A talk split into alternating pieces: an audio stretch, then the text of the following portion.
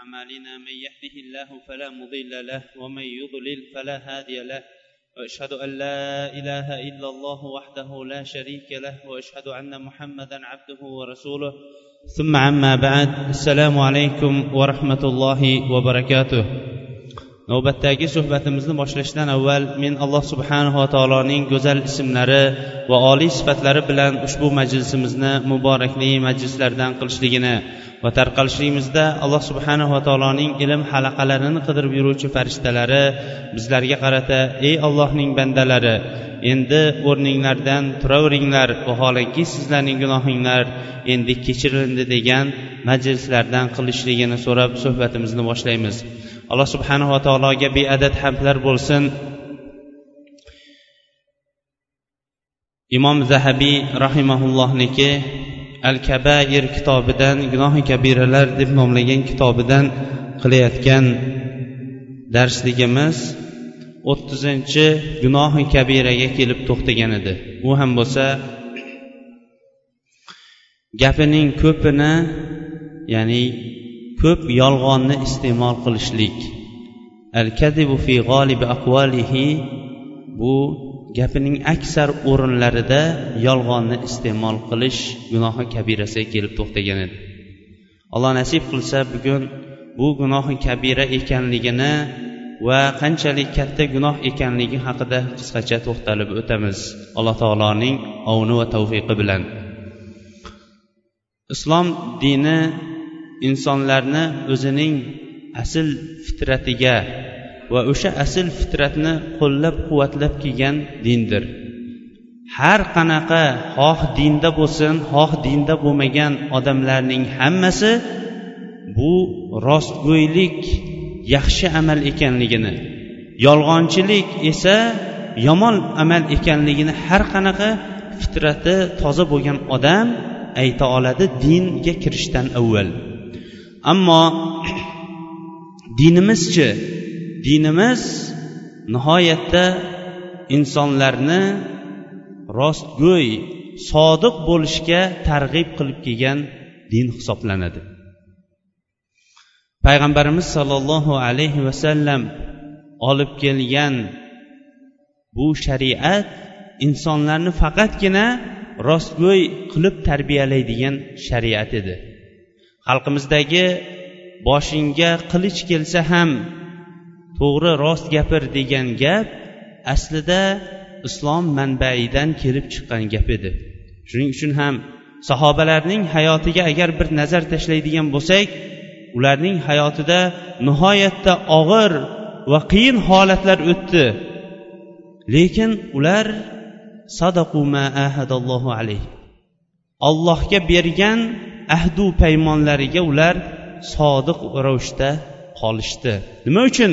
Chunki ular qur'on va hadisdan kelgan sodiqlik degan darsni ular nihoyatda yaxshilab o'qishib o'zlarining hayotlariga tadbiq qilgan odamlar edi.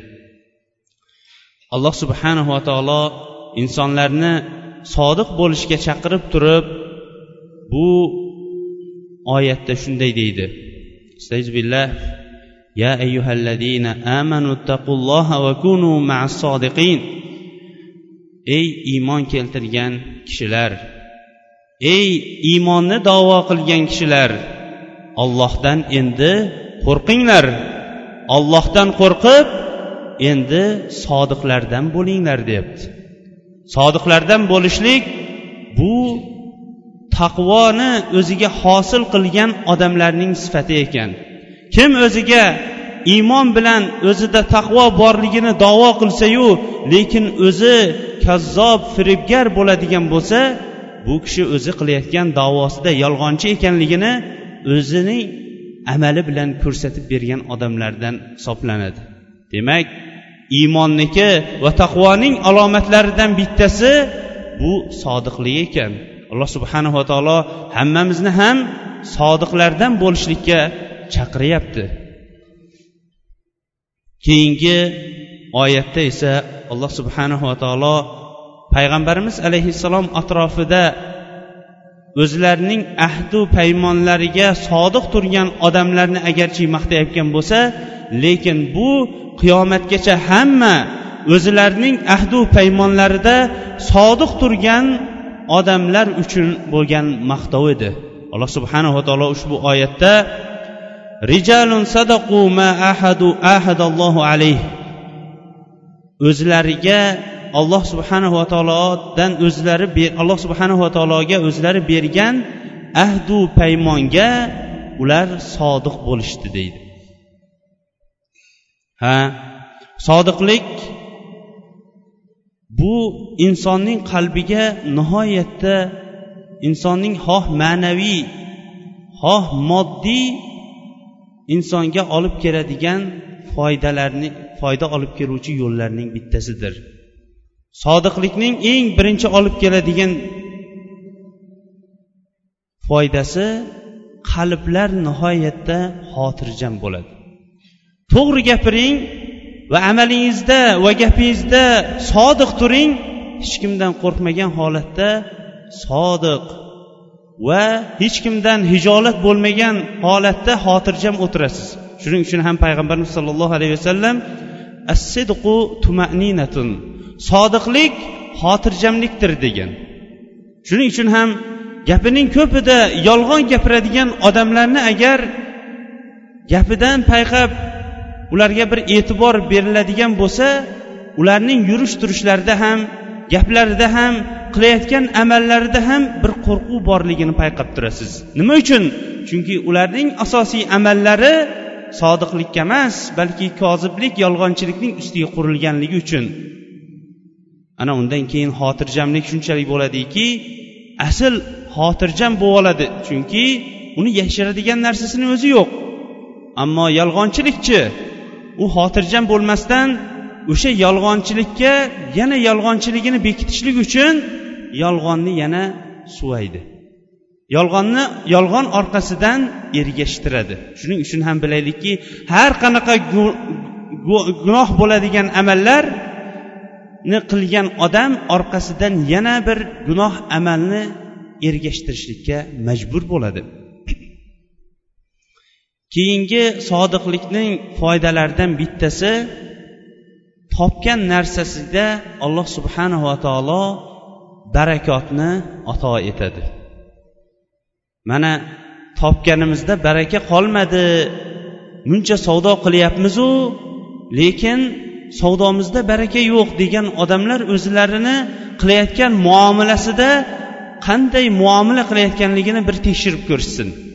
Payg'ambarimiz alayhissalomdan muttafaqun alayh bo'lgan hadisda payg'ambarimiz alayhissalom aytdilarki agar ikki taraf oluvchi va sotuvchi savdo qilsalar va o'sha savdolarida yolg'on gapirmasalar va aybini bekitmasalar burika lahuma fi bayihima o'zlari orada qilgan savdo sotiqlariga barakot berilinadi dedi.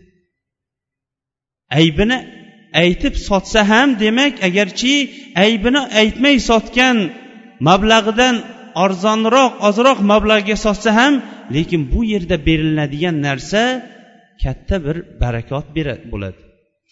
Xalqimizda ham suti sutiga qatig'i qatig'iga ketibdida degan gap yursa ham o'sha yolg'onni aytib sotayotganlar ham buni qancha marta takrorlashsalar ham lekin ming afsuslarki sodiqlikka oldi berdida odamlar to'liq o'ta olmayotganligi insonni ko'p afsusga va tashvishga soladigan o'rinlardan bittasidir. Uchinchi sodiqlikning olib keladigan foydalarining bittasi inson biron bir narsaga haqiqiy sidqi dili bilan niyat qilsa va shu niyatiga harakat qilsayu erisha olmasa alloh subhanava taolo uning qilgan sodiq niyati va sodiq harakati sababli uni o'sha qilolmagan amalining savobini beradi. Payg'ambarimiz sollallohu alayhi vasallam tabuk g'azotidan qaytayotgan vaqtida vaholanki tabuq madinaga nihoyatda uzoq masofani sarflanadigan o'rinlardan bittasi. Aytdilarki madinada bir qavmlar borki ular sizlar qaysi bir vodiydan o'tmadinglar? Qaysi bir tepalikni oshmadinglar ular sizlar bilan ajr va savobda birdir deyishdi dedilar. Shunda sahobalar ajablanishib yo rasululloh ular kimlar? deganda ular uzrlari sabablik bu g'azotga chiqolmaganlar dedilar. Ya'ni inson haqiqatdan ham qalbi bilan chin qalbi bilan biron amalga solih amalga sodiq qalbi bilan sodiqlik bilan niyat qilib harakat qilsayu lekin alloh subhanahu va taolo muvaffaq qilmasa savobi bilan muvaffaq qilib qo'yar ekan. Mana ba'zi bir kishilar hajga boraman deb sodiq haqiqiy niyati bilan hajga harakat qiladiyu lekin ba'zi bir sabablar bilan hajga bora olmaydi. Va mana bu bu yil yaxshilab daromadni bahor keldi kuzda yaxshilab alloh subhanahu va taolo daromadni beradigan bo'lsa yaxshi xayr ehsonlar qilaman deydiyu lekin qila olmaydi. Agar shu aytgan narsasida qalbida va qilayotgan amalida shunga yarasha harakati sodiq bo'ladigan bo'lsa alloh subhanahu va taolo bunga o'sha hajga borgan va o'sha xayr ehsonni qilganlar bilan barobar savobini birga yozar ekan. Ana undan keyingi to'rtinchi sodiqlikning orqasidan keladigan foydalarning to'rtinchisi g'am va tashvishdan inson qutuladi. Haqiqatdan ham sodiqlik insonlarni jannatga yo'llaydi. Nima uchun? Chunki buni payg'ambarimiz sollallohu alayhi vasallam muttafaqun alayh bo'lgan hadisda abu hurayra roziyallohu anhu rivoyatida aytdilarki qola qola rasululloh sollallohu alayhi vasallam sidqa yahdi ilal birri va innal birra yahdi ilal janna وما يزال الرجل يصدق ويتحرى الصدق حتى يكتب عند الله صديقا. وإن الكذب يهدي إلى الفجور وإن الفجور يهدي إلى النار وما يزال الرجل يكذب ويتحرى الكذب حتى يكتب عند الله كذابا dedilar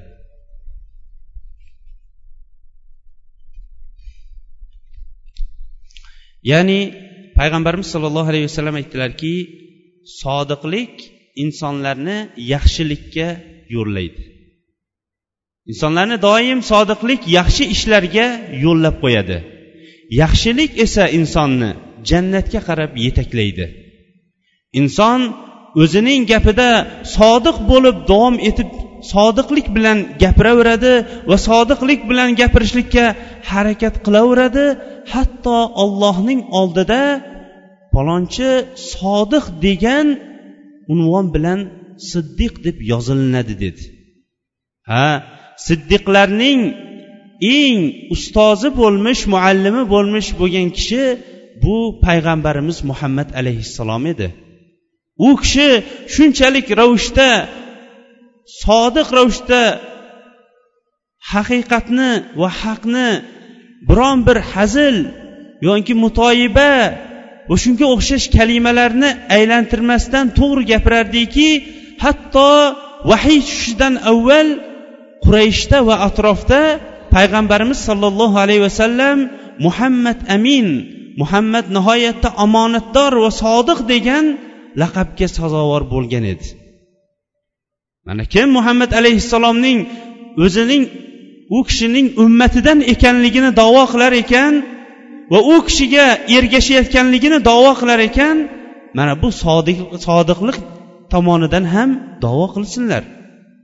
Payg'ambarimiz sollallohu alayhi vasallam sodiqligicha qoldilar. To vahiy tushganidan keyin ham u kishining sodiqligiga yana sodiqlik qo'shdi. Chunki alloh subhanahu va taolodan kelgan vahiyni u kishi tasdiqlash u yoqda tursin xalqlarga ham yetkazdilar. Lekin alloh subhanahu va taolo qalbini muhrlab qo'ygan kishilar mana bu o'rinda yuz o'girib avval muhammad amin deb yurgan odamlar endi muhammad kazzob yolg'onchi deb aytisha boshlashdi. Ha insonda xuddi mana shunday holatlar juda ko'p uchraydi.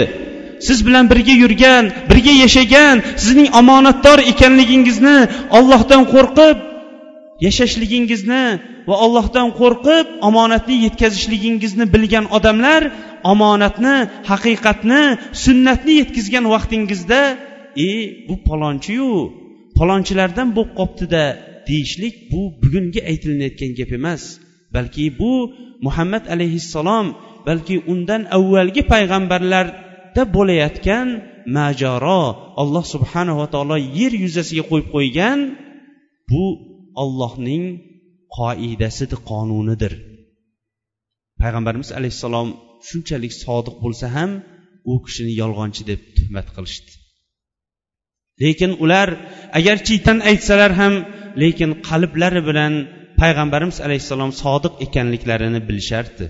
Bunga asosiy dalil payg'ambarimiz alayhissalomga hali iymon keltirmagan abu sufyon o'zining qizi ummu habiba.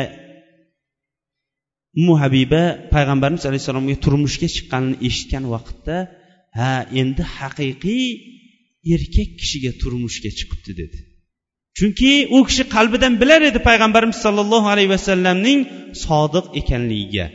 Hatto payg'ambarimiz alayhissalomni yolg'onchi kazzob deb tuhmat toshini otganlarning bayrog'ini ushlab turgan abu jahl ham payg'ambarimiz alayhissalomning sodiq ekanligini nihoyatda qattiq yaxshi bilardi. U kishi u kishi badr jangida payg'ambarimiz alayhissalomni qachon ham yolg'on gapirgan edida degan gapi bilan qalbi bilan payg'ambarimiz alayhissalomni sodiq ekanligini bilib turganligini o'sha gapi bilan izhor qilib qo'ygan edi. Lekin amal qilmaganligi sababli kofirlardan hisoblandi. Hadisni tarjimasida davom etamiz. Hadisda aytdilarki payg'ambarimiz alayhissalom yolg'on esa gunohlarga insonni yetaklaydi dedi. Ha haqiqatdan ham insonning yolg'on gapirishligining o'zi gunoh bo'ladigan bo'lsa o'sha yolg'onni bekitishlik uchun inson ikkinchi yolg'onni aytishligi ham bu ketma ket ulanib ketayotgan yolg'onni yolg'onga ulab ketayotgan gunohlar bilan insonni gunohlarga yetaklab olib ketadi. Gunohlar esa dedi insonni jahannamga yetaklaydi. Inson yolg'on gapiraverar ekan yoinki gapini yolg'onga aylantirishlikka harakat qilaverar ekan alloh subhanava taoloning oldida yolg'onchilardan deb yozilinib qoladi dedi. Alloh o'zi saqlasin. Agar inson haqiqatdan ham sodiq bo'lib amalida gapida insonlarga qilayotgan targ'ibida sodiq bo'ladigan bo'lsa alloh subhanava taolo uning qalbidagi sodiqlikni bilib turib bu kishi falonchi sodiq deb ollohning oldidan sodiqlik nozil bo'ladigan bo'lsa bu nozil bo'lgan ollohdan nozil bo'lgan bu amr bilan bandalar orasida ham sodiq degan yolg'onchi bo'ladigan bo'lsa bandalarning orasida ham falonchi yolg'onchi degan laqabga insonlar duchor bo'lib o'sha libosni kiyishib oladi. Ming afsuslar bo'lsinki payg'ambarimiz sollallohu alayhi vasallamning qiyomat alomatlaridan bergan alomatdan bir vaqtlarning bittasida yashayapmiz. U ham bo'lsa qiyomatga yaqin insonlarda omonat ko'tariladi.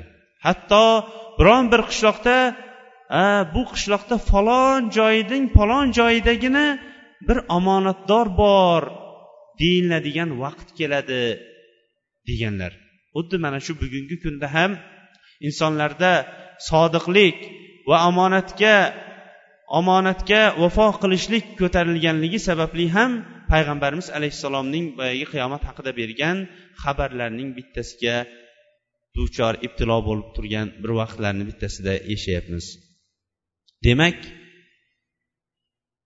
yolg'on gapirishlik yoyinki gapining ko'pida yolg'on gapirishlik bu gunohi kabiralardan ekan.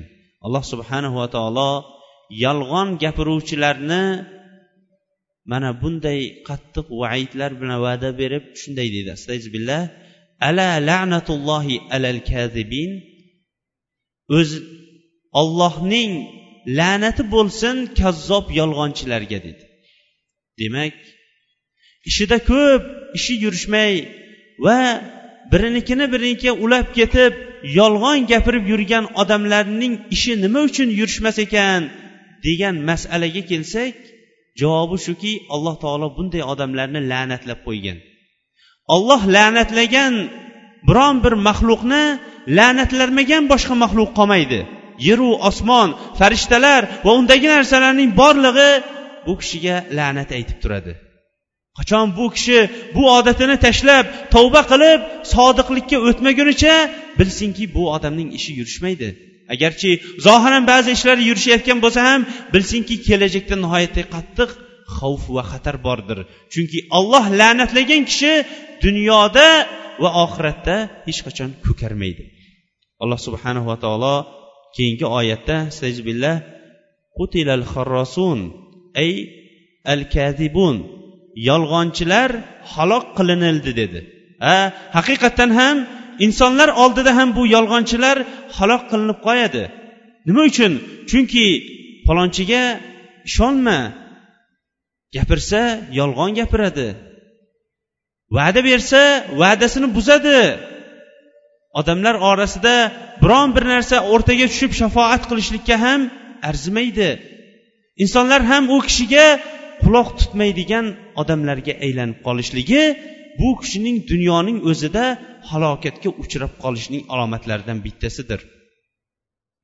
Keyingi oyatda alloh subhanava taolo yolg'onchilar haqida shunday deydi. La yahdi man huwa musrifun kazzab. Alloh subhanava taolo isrofgo'y va yolg'onchi bo'lgan kishilarni hidoyatlamaydi deydi. Demak alloh subhanahu va taoloning hidoyatidan va to'g'ri yo'lidan ham adashib qolishliklarniki asosiy sabablarining bittasi bu yolg'onchilik sifati ekan. Qanday qilib ham endi inson ollohning yo'lidan adashib qoladigan bo'lsa o'zining hayotda tutgan yo'lidan adashmasin. Oilada bo'layotgan janjallar ota onaning yoyinki ota bolaning o'rtasida bo'layotgan janjallar oilaviy yoki jamoatlar ichida bo'layotgan janjallar kelishmovchiliklarning ildizining tugunining bir tomonini yechib qaraydigan bo'lsangiz bu yolg'onchilikdan yoyinki asosi bo'lmagan gaplar bilan gapirishlikdan kelib chiqqandir. Alloh subhanava taolo bunday odamlarni o'zining hidoyatidan yiroq qilib qo'yar ekan qanday qilib bu o'zi tutgan dunyodagi yo'lidan yura olsin. Payg'ambarimiz sollallohu alayhi vasallam yolg'onchilikni munofiqlar alomatidan deb turib imom buxoriy muslim abu dovud va boshqa muhaddislar abdulloh ibn amr ibn as roziyallohu anhumadan rivoyat qilgan mana bu hadisda aytdilarki ayatul munafiqi thalathun. Va in solla va soma va za'ama annahu muslim. Ida ida haddasa kadiba va ida va'ada axlafa va ida tumina xona munofiq kishining oyati alomati uchtadir dedi. Munofiq kishining alomati uchtadir. Agarchi namoz o'qisa ro'za tutsa va musulmonlardanman deb davo qilsa ham dedi. Demak munofiq kishi ro'za ham tutishligi namoz ham o'qishligi musulmonlardanman deb oldi o'rinlarda o'tirishligi ham mumkin ekan. Lekin uning alomatlari mana bu payg'ambarimiz alayhissalom hozir bayon qilib beradigan mana bu hadislardan bayon bo'lar ekan. O'sha alomatlaridan bittasi agar gapirsa yolg'on gapiradi degan. Agar gapirsa yolg'on gapiradi. Insonlarning yolg'on gapirishligini payg'ambarimiz alayhissalom munofiqlarning alomatidan dedi. Endi o'zimizga o'zimiz bir savol berib javobi ham o'zimizga qolsinki biron bir marta yolg'on gapirganimizda o'zimiz bir tanamiz titrab ketib men ham o'sha munofiqlardan bo'lib qolmadimmikin? deb o'zimizga o'zimiz bir savol berib ko'rganmizmi? Vaholanki jannat bilan o'zining hayotligida bashorat berilgan umar ibn xattob payg'ambarimiz alayhissalomning sirdoshi bo'lmish huzayfat ibn yamaniy roziyallohu anhu kelib aytar ekanki meni payg'ambarimiz alayhissalom munofiqlardan demaganmi deb so'rab qo'yar ekan.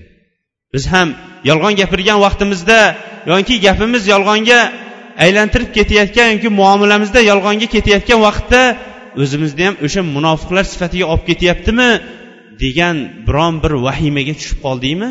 Yoki o'zimizga o'zimiz bir savol berdikmi? Yoki hech bo'lmaganda qalbimizdan bir ozroq titrashni sezdikmi yoki sezmadikmi? Keyingi alomatini aytdilarki agar va'da bersa va'dasidan ustidan chiqmaydi. Doim va'dasini buzadi. Uchinchi alomati agar biron bir omonat qo'yiladigan bo'lsa o'sha omonatiga xiyonat qiladi dedilar.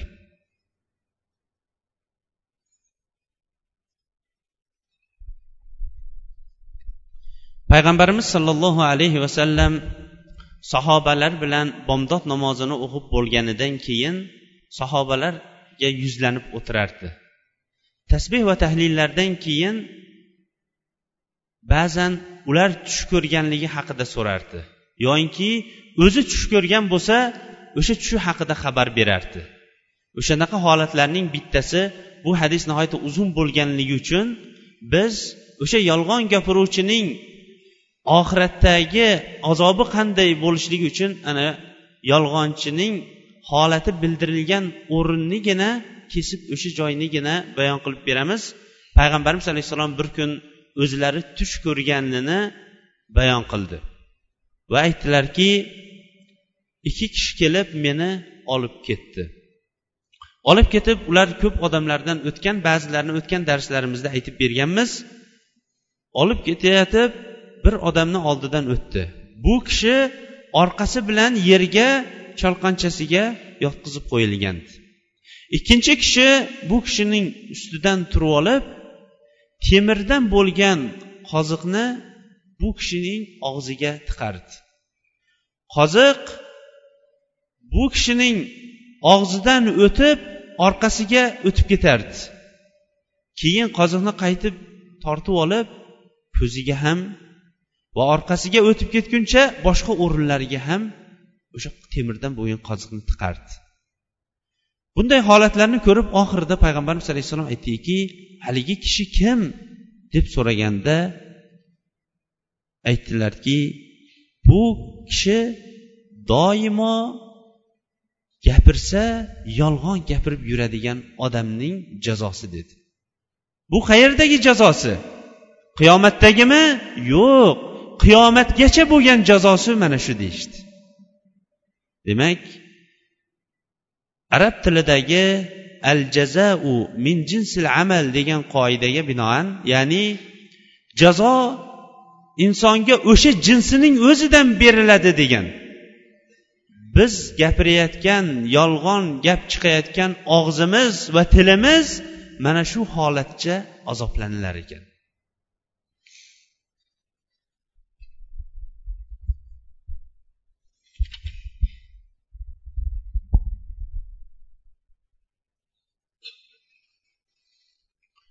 Yolg'onning turlari ko'pdir. O'sha turlarining bittasi inson hali aniq bilmaganu lekin gumon qilgan gapi ham yolg'on hisoblanadi. Masalan birovni eshitdingiz yoki ko'rdingiz lekin aniq bilmaysiz o'sha narsani. Yoyinki biron bir kishidan boshqa kishi haqida eshitdingiz u aniq emas. Lekin o'sha aniq bo'lmagan gumonni gapiraverishlikning o'zi ham yolg'on bo'lar ekan. Payg'ambarimiz sollallohu alayhi vasallam abu hurayra roziyallohu anhudan rivoyat qilingan muttafaqun alayh hadisda iyakum fa inna akzabul hadisi dedilar. Sizlar gumondan ehtiyot bo'linglar chunki gumon yolg'ondan ham gaplarning yolg'onrog'i gumondir dedi.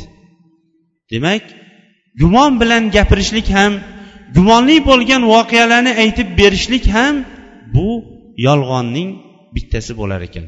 Payg'ambarimiz sollallohu alayhi vasallam imom buxoriy va boshqa muhaddislar abu hurayra roziyallohu anhudan rivoyat qilgan bu hadisda shunday dedilar. Salasatun la yukallimuhumullohu va la yanzur ilayhim yawmal qiyamati qiyamati va la yuzakkihim va lahum adabun alim. Uch toifa kishi borki alloh subhanava taolo ularga qaramay gapirmaydi ham. Gapirish u yoqda tursin ularga qiyomat kuni gapirib ham qo'ymaydi. Gunohlarini ham poklamaydi gunohlarini kechirmaydi. Va ularga nihoyatda alamlantiruvchi azoblar bordir. Uch toifa. Bu toifaning birinchisi zino qiluvchi chol. O'zi yoshi bir joyga borib qolganu lekin yoshiga qaramasdan zino qiladi. Aslidachi yosh bo'lib yigit bo'lib bilagi kuchga to'lgan kishining ham zino qilishligi bu katta gunoh kabiralardan xuddi avvalda buni bayon qilganimizga o'xshash. Lekin qarigan chog'ida ham buni qo'ymay qilishligi undan ham kattaroq gunoh kabira. Ikkinchisi yolg'on gapirib yuradigan boshliq. Uchinchisi esa o'zi kambag'alu lekin kibr qiladi. Manman kambag'al. Boylarning kambag'al boylarning ham kibr qilishligi asli bir gunoh hisoblanadi. Lekin o'zi kambag'al bo'lib turib yana kibr qilishligi undan ham kattaroq gunoh bo'lganligi uchun alloh subhanava taolo bunday odamlarga gapirmaydi ham gapirishligi u yoqda tursin qarab ham qo'ymaydi qarashligi u yoqda tursin gunohlarini ham kechirmaydi balki ularga alamlantiruvchi azob bordir dedi. Bizning bugungi majlisimizga taalluqli bo'lgan bu uch toifaning bittasi yolg'onchi boshliq. Yolg'onchi boshliq deganda darrov hammamiz fikrimiz boshqa odamlarga ketmasin. Hammamiz ham boshliqmiz. Payg'ambarimiz alayhissalom kullukum roin va kullukum mas'ulun an roiyatihi dedilar. Har biringiz boshliqsiz va qiyomat kunida o'sha boshliqligingiz haqida so'raluvchisiz dedi. Ha biz hammamiz ham ho sharikalarda bo'laylik. Boshliq undan avval o'zimizning oilamizda boshliqmiz. Nima uchun boshliq odamning yolg'on gapirishligi bunday alamlantiruvchi azob va'da berilindi. Chunki har bir yaxshilik ishini qilishlik ham agar boshliqdan boshlanadigan bo'lsa darrov yaxshi holatda tarqaladi. Yo shunga o'xshash yomon ish ham agar boshliqdan tarqaladigan bo'lsa darrov boshqalarga o'rnak bo'ladida tarqanishligi tez bo'ladi. Oilada ota ko'p yolg'on gapirishligi o'zining ahlini va farzandlarini ham yolg'onchi qilib tarbiyalashligiga sabab bo'lib qoladi. Balki hali fitrati buzilmagan farzandlarni ayni yolg'onchi qilib tarbiyalash asosiy o'sha oilaning boshlig'i otadan boshlanadi. Keyingi yolg'onchilikning keyingi turi bu ko'pchiligimizga ham oddiy bo'lib ketsa ham lekin buni agarchi balkim ba'zi kishilar agarchi bugun eshitayotgan bo'lsa ham bu bundan o'n to'rt o'n besh asr avval aytilingan hadisdir. Imom ahmad navvos ibn saman roziyallohu anhudan rivoyat qilgan hadisda payg'ambarimiz sollallohu alayhi vasallam shunday dedilar. Vaynun lilladi yuhaddisu bil hadisi liyudhika bihan nasu fayakdibu vaylun lahu vaylun lahu vaylun lahu. Insonlarni kuldirish uchun yolg'on gapirib insonlarni gapirayotgan odamning holiga voy bo'lsin dedi. Demak birovni kuldirish uchun hazillashib bo'lsin yoyinki boshqacharoq yo'l bilan qo'yingki yolg'onni aytib turib kuldirishlikni ham yolg'onning turlaridan bittasi ekan. Payg'ambarimiz alayhissalom uch marta holiga voy bo'lsin bunaqa odamning holiga voy bo'lsin va holiga voy bo'lsin dedilar. Yolg'onning yana bir turlarining bittasi qasam ichishlik bo'lib ham savdoda qasam ichishlik allohga qasamki men mana bu molimni munchaga oldim degan odamlar. Ha bizni kunda ham bu ko'p uchraydigan voqea. Hali o'zini narxini berganingiz yo'q. Qasam ichib turib shu gapni gapirayotgan odamlar eshitib olsinki payg'ambarimiz sollallohu alayhi vasallam imom abu dovud termiziy rivoyat va nasoiy va bayhaqiy bahzibn hakim an abihi an jaddihidan rivoyat qilgan termiziy bo'lsa hasan degan hadisda shunday degan ekanlar. ثلاثة لا يكلمهم الله يوم القيامة ولا يزكيهم ولهم عذاب عليم ولهم عذاب عليم.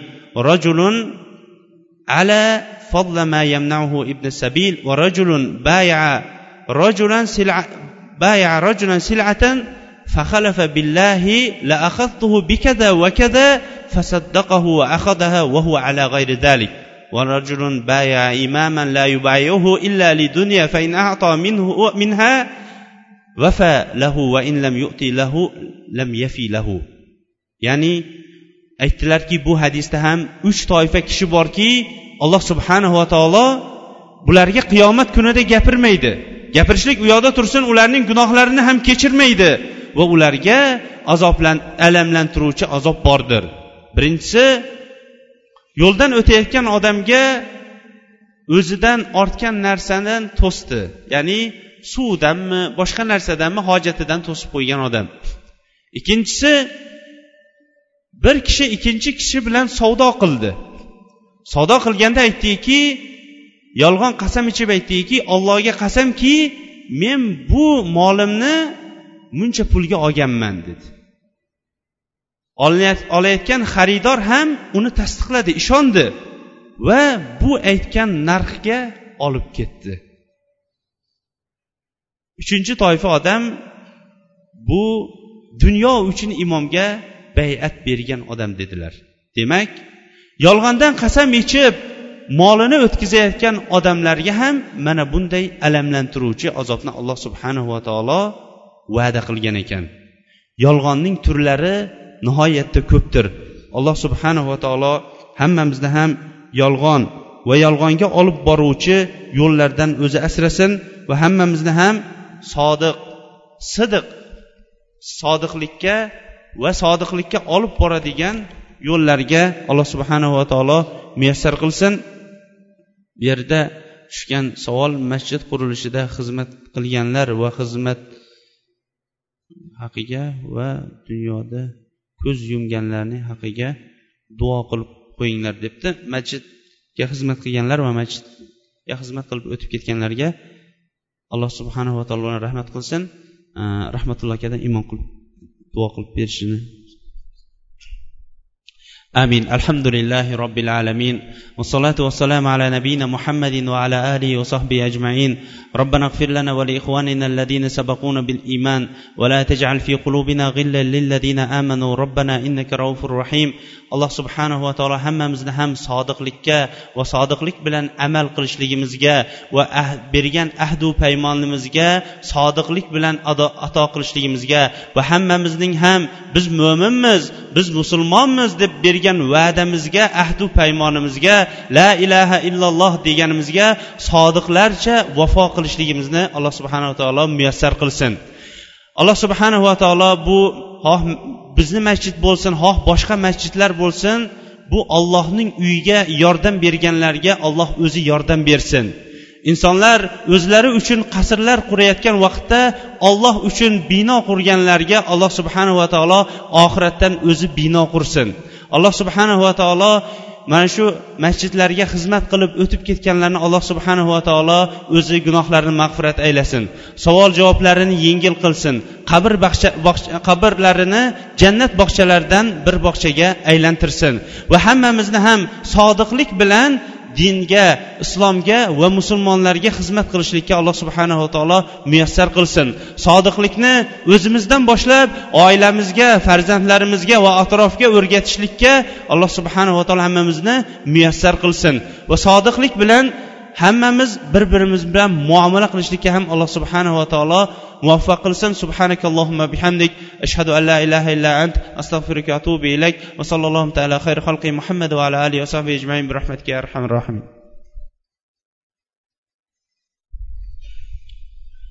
إن الحمد لله نحمده ونستعينه ونستغفره ونعوذ بالله من شرور أنفسنا ومن سيئات أعمالنا.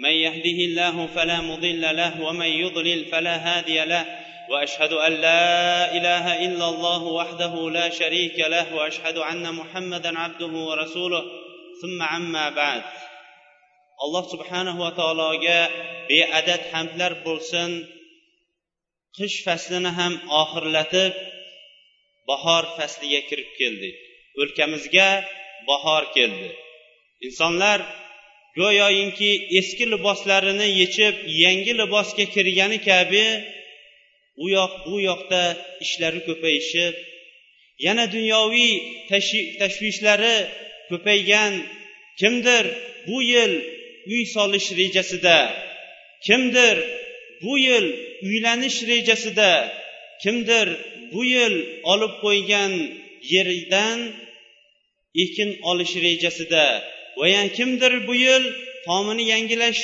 rejasida.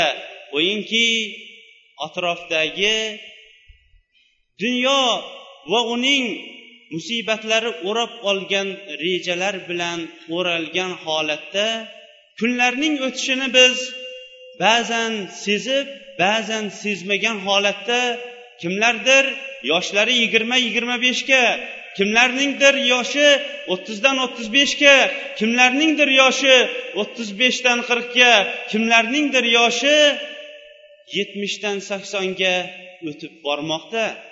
Ha bizlar keyingi vaqtlarda ko'p amallarimizni o'zimizning dunyoviy masalalarimiz bilan hisob kitob qilib ko'radigan bo'lsak nima uchun endi fasllar o'tishligi bilan yoshlarimiz o'tishligi bilan u yoqqa ham hisob kitob qilishni bir o'zimizcha hisob kitob qilib o'zimizni o'zimiz hisob kitob qilib ko'rmaymiz.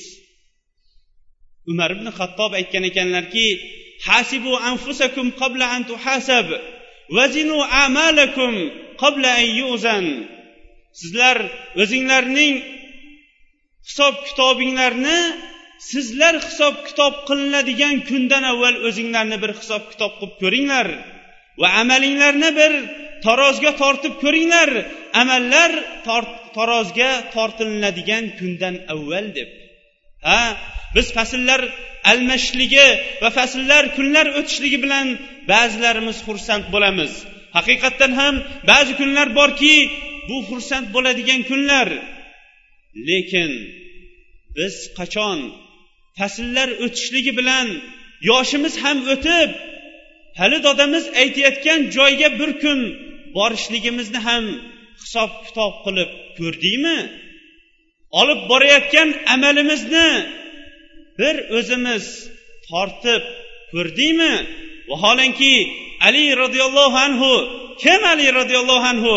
Ali roziyallohu anhu payg'ambarimiz alayhissalomning kuyovlari xulafai roshidinlardan o'zlari hayotligi davrida jannat bilan bashorat bergan odam aytgan ekanki ey voh uzoq safarga ketyapman lekin olgan hech narsam yo'q degan ekan. Ular jannat bilan o'zlarining hayotligida xabar berilingan odamlar shunaqa deydigan bo'lsa bizning holatimiz nima bo'lar ekan? Umar ibn hattobga hanjar tiqilingandan keyin og'ir ahvolda yotganda o'g'illari abdulloh ibn umar roziyallohu anhu kirdilarda ota siz ollohga yaxshi gumon qiling chunki sizlar sizning bunday bunday ulug' amallaringiz bor dedi. Ha haqiqatdan ham umar ibn hattobning amallari nihoyatda katta amallar edi. Lekin umar ibn hattobning javobi nima edi? Ey o'g'lim jim bo'ling. Chunki alloh subhanahu va taolo amallarni qabul qilish haqida shunday deydi. Alloh taolo taqvodor kishilardangina amallarini qabul qiladi siz jim turing dedilar. Ey umar olloh sizdan rozi bo'lsin. Agar siz taqvodorlarning imomi bo'lib turib shunday deya olsangiz biz nima deya olamiz? Payg'ambarimiz sollallohu alayhi vasallam uzkuru hadimal lazzat deganlar. Lazzatlarimizni bo'lib parcha parcha qilib yo'q qilib olib ketib qoladigan narsani ya'ni o'limni bir eslab turinglar degan. Ko'pchiligimiz tug'ilgan kunimizni nishonlab yoki fasllar o'tishligi bilan xursand bo'lamiz. Ikkinchi tomondan ham o'ylab ko'ramizmi bir kun o'tishligi bilan birga biz bir kun u tomonga yaqinroq bo'lib qolganimizni bir hisob kitob qilib yoki o'ylab ko'rdikmi? Agar o'ylab ko'rgan bo'lsak dunyoda qurayotgan imoratimizga o'xshash oxirat uchun ham biron bir hech bo'lmaganda imorat u yoqda tursin kulba qurib qo'yishlikka harakat qildingmi xulafai roshidinlardan bo'lmish umar ibn abdul azizning o'g'li vafot etdi. O'g'li vafot etganidan keyin umar ibn abdulaziz o'g'lining oldiga kirib hushidan og'ib qoldi. Shunda o'ziga kelganidan keyin so'rashdiki iya siz ham hali o'limdan qo'rqib hushingizdan og'ib qoldimi? O'limdan siz ham qo'rqdingizmi? deganda yo'q yo'q. Allohga qasamki men o'limdan qo'rqqanim yo'q. Lekin bugun mening uyimni o'lim farishtasi birinchi bor ziyorat qildi. Mening ruhimni jonimni emas balki o'g'limning jonini olib ketdi. Keyingi bor ziyorat qilganda kimning jonini olib ketar ekan mana buni bilmay qoldim shundan keyin hushimdan ketib qoldim degan ekanlar. Ha biz har kuni janozalarni ko'tarib yelkamiz bilan tobutni ko'tarib o'sha qabristonga olib boryapmiz. Yoyinki qancha bor qishloqlardan bo'lsin yoki qabristonlar ichida qabristonlarni oldidan o'tyapmiz. Qancha qancha mayitlarning oldida turyapmiz. Hisob kitob qilib ko'rdingmi?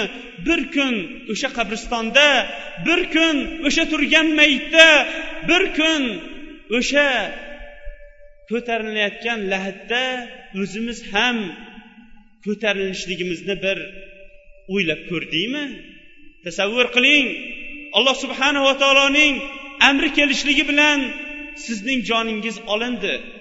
Sizning joningiz olinganligini uydagi hech kim hali sezmay ham qoldi. Hali siz xotiningizga yashirgan dunyoyingizni aytib ham ulgurmay qoldingiz. Ota onangiz bilan xayrlashib yaxshilikni ham qila olmay qoldingiz. Oilangiz ham bu holatni ko'rib hayratda turdi. O'sha vaqtda sizning eng shirin eng siz yaxshi ko'rgan kenjatoy o'g'lingiz kelib sizni dadajon endi turmaysizmi? Yoki nevarangiz kelib bobojon endi turmaysizmi? degan vaqtda sizning hukmingiz hukm qilinib bo'lingan vaqt edi. Mana bu kun uchun payg'ambarimiz sollallohu alayhi vasallam aytganki lazzatlarni parcha parcha qilib tashlaydigan kunni bir eslanglar degan. Ha biz doim o'zimizning xursandchiligimizni eslaymiz. Lekin bu kunni ham eslaymizmi? Agar eslab o'sha kunga biz xotirjam ravishda tayyorgarligimizni ko'rib qo'yganimizda edi bizlar uchun ham bu kun xursand kun bo'lardi. Nima uchun? Chunki dunyoning musibatlaridan biz oxiratda qurib qo'ygan hech bo'lmasa qurib qo'ygan kulbamiz uchun va dunyoning musibatlari bo'lmagan bir hovli uchun ko'chadigan xona hovli uchun ko'chadigan bir dunyoga ketayotganimizni agar bilib xotir bilib tayyorgarlik ko'rganimizda edi o'shandaqa xotirjam bo'lardik. Ey ollohning bandalari hammamiz ham darhaqiqat ko'p gunoh ishlarni qildik. Ba'zan bu kunni o'limni va alloh subhanahu va taoloning oldida qayta tirilishlikni unutib yo unutayozib ko'p gunohlarni qildik.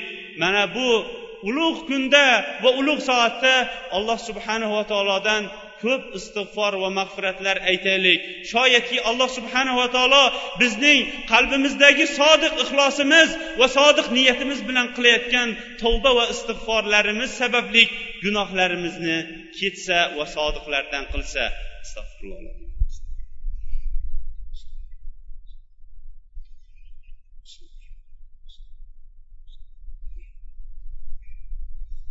الحمد لله والصلاة والسلام على رسول الله ثم عما بعد payg'ambarimiz sollallohu alayhi vasallam sahobalarning qalblarida iymon to'lib jo'shganlaridan keyin shunday dedilar ala inni nahaytukum an ziyaratul qubur fazuruha fa innaha tuzakkirukumul akhira aytdilarki men sizlarni avval qabrlarni ziyorat qilishlikdan qaytargan edim.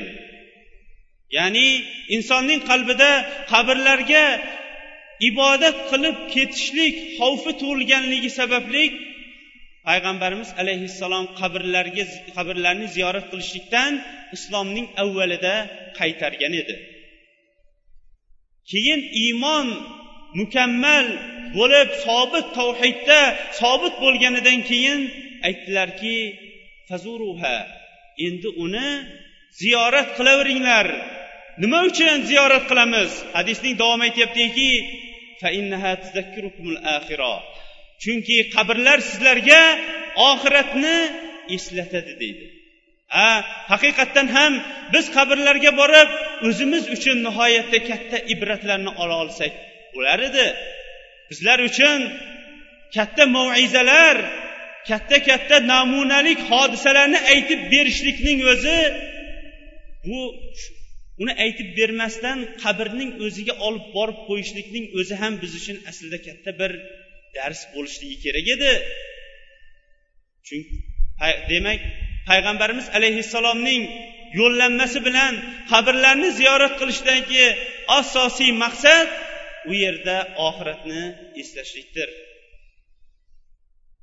Ey ollohning bandalari oxirat uchun ham mana bu bahorning ilk kunlarida dunyo uchun imorat qurishlikka harakat qilayotgan vaqtimizda oxirat uchun ham imorat hech bo'lmasa biron bir kulba qurishlikka harakat qilaylik. Yoyinki hech bo'lmaganda o'shanga sodiqlarcha niyat qilib va niyatimizga yarasha harakat qilaylik. Chunki bu dunyo va undagi narsalar foniydir agar boqiy bo'lganida edi sizu biz bunda abadiy qolib ketar edik. Agar boqiy bo'lganida edi imoratimizni har besh o'n yilda almashtirib turmagan bo'lardik. Agar boqiy bo'lganida edi minayotgan mashinalarimizni almashtirib har besh o'n yilda to'rt besh yilda almashtirib turmagan bo'lardik. Demak dunyo va undagi narsalarning hammasi foniy tez ketuvchi narsa bo'lar ekan abadiy qoluvchi alloh subhanahu va taoloning o'zining bandalarini mehmon qiladigan hovlisi uchun hech bo'lmaganda bir kulba solishlikka muvaffaq bo'laylik. Payg'ambarimiz sollallohu alayhi vasallam o'ziga salovat aytgan odamga alloh taolo o'nta salovat aytishni aytgan va juma kunlari menga ko'proq salovat aytinglar degan muhtaram birodarlar payg'ambarimiz sollallohu alayhi vasallamga salovat aytishlikda baxillik qilmaylik allohumma solli ala muhammad وعلى آل محمد كما صليت على إبراهيم وعلى آل إبراهيم إنك حميد مجيد اللهم بارك على محمد وعلى آل محمد كما باركت على إبراهيم وعلى آل إبراهيم إنك حميد مجيد. اللهم أعز الإسلام والمسلمين وأذل الشرك والمشركين واحمي حوزة الدين. اللهم يا رب المستضعفين نج المستضعفين في العالم. اللهم يا رب المستضعفين نج المستضعفين في العالم. اللهم أعنا على ذكرك وشكرك وحسن عبادتك. ربنا لا تزغ قلوبنا بعد إذ هديتنا وهب لنا من لدنك رحمة إنك أنت الوهاب. ربنا اغفر لنا ولإخواننا الذين سبقونا بالإيمان ولا تجعل في قلوبنا غلا للذين آمنوا. ربنا إنك رؤوف رحيم. اللهم أرنا الحق حقا وارزقنا اتباعه. اللهم أرنا الباطل باطلا وارزقنا اجتنابه. وصلى الله تعالى خير خلقه محمد وعلى آله وصحبه أجمعين. الراحمين